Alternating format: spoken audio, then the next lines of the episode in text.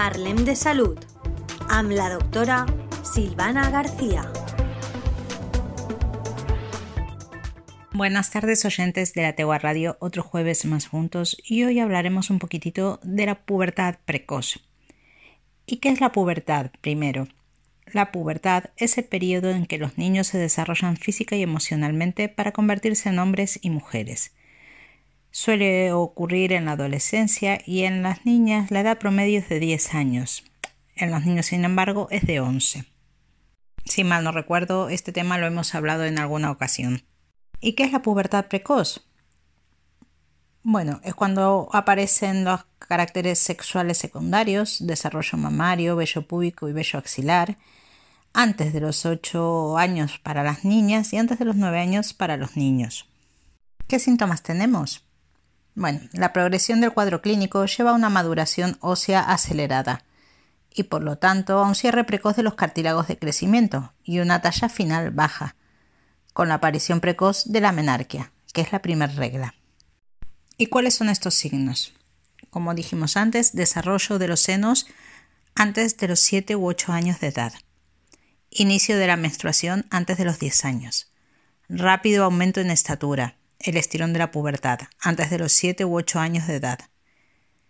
En los niños, entre los signos de la pubertad precoz antes de los 9 años se incluyen el aumento de tamaño de los testículos o del pene, el rápido aumento en estatura, el estirón de la pubertad que hablábamos, y tanto en los niños como en las niñas pueden aparecer crecimiento de vello púbico, axilar o facial, agravamiento u oscurecimiento de la voz, acné y olor corporal a persona madura. Todos estos cambios en los niños, tanto como en las niñas, pueden tener problemas psicológicos al ver su desarrollo, al ver que su desarrollo es diferente al de sus compañeros.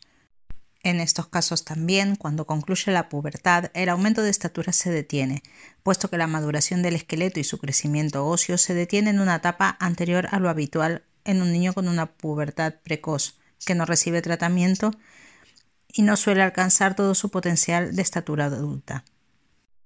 Con esto quiero decir que puede dejar de crecer demasiado pronto y acabar teniendo una estatura menor de la que habría alcanzado si no hubiera tenido esta pubertad precoz, aunque al principio parezca que pueda tener ese estirón mayor que el de sus compañeros. ¿Y cuál puede ser la causa de esta pubertad precoz? Bueno, el inicio de la pubertad normalmente se desencadena en el hipotálamo. Este área indica a la hipófisis que libere unas hormonas que estimulan a los ovarios o a los testículos en el caso de los niños, para que fabriquen hormonas sexuales. Muchas veces, la pubertad precoz se debe a que el cerebro envía señales antes de lo que las debería enviar, y no hay ningún problema médico de base, y es algo que se puede dar dentro de la familia. De todas formas, siempre hay que estudiar todas las causas porque puede haber otros motivos médicos por los cuales se pueda estar produciendo esta pubertad precoz. Es curioso comentar que algunas niñas de muy corta edad, entre los 6 meses y 3 años, pueden presentar un desarrollo mamario que más adelante desaparece o permanece, pero que si no hay otros signos propios de la pubertad, esto sería una telarquia prematura que se llama y no suele tener efectos, causar problemas duraderos. Para que encontremos alguno de estos signos de pubertad precoz en nuestros hijos, debemos consultar con el pediatra. Y recordar también que muchas veces algunas niñas pueden presentar un crecimiento precoz del vello púbico o axilar o olor corporal que no está relacionado con los cambios propios del desarrollo sexual, sino que a esto se le llama adrenarquia prematura. ¿Cómo se trata esta pubertad precoz? En caso de que esté diagnosticada por su pediatra, lo remitirá al endocrinólogo pediátrico que es un médico que se especializa en los trastornos hormonales y de crecimiento del niño.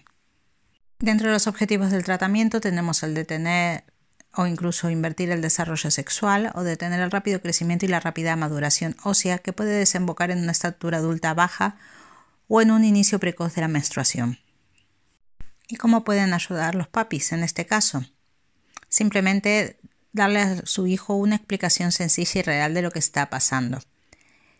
Hay que explicar esos cambios y hay que explicarle a los niños que son normales y que su cuerpo está empezando a desarrollar un poquitito antes de lo habitual. Hay que mantener a los niños siempre bien informados sobre el tratamiento y sobre lo que se va a esperar a lo largo del proceso. No hay que engañarlos. Tener en cuenta que como esto a veces puede afectar a los niños, hay que tener, hay que tener un poquitito de cuidado a la hora de, de valorar si el niño está afectado emocionalmente. Entonces, siempre prestar atención si el niño saca peores notas, si tiene problemas en la escuela, si pierde el interés por las actividades durante el día o si tiene una baja autoestima. Hay que intentar evitar hacer comentarios sobre su aspecto físico, hay que felicitarlo por sus logros y hay que apoyar sus intereses. Lo más importante es recordar que esto se puede tratar y, tiene y que ese tratamiento puede ayudar a los niños a, tener, a mantener su potencial de estatura adulta y limitar el estrés social y emocional. Entonces, recordar las características en las niñas antes de los 8 años y en los niños antes de los 9, desarrollo mamario, rápido estirón, la aparición de la menstruación, acné, crecimiento de testículos o pene y vello púbico o axilar. Nada, espero que les haya gustado el tema de hoy. Gracias por estar. Los invito a compartir.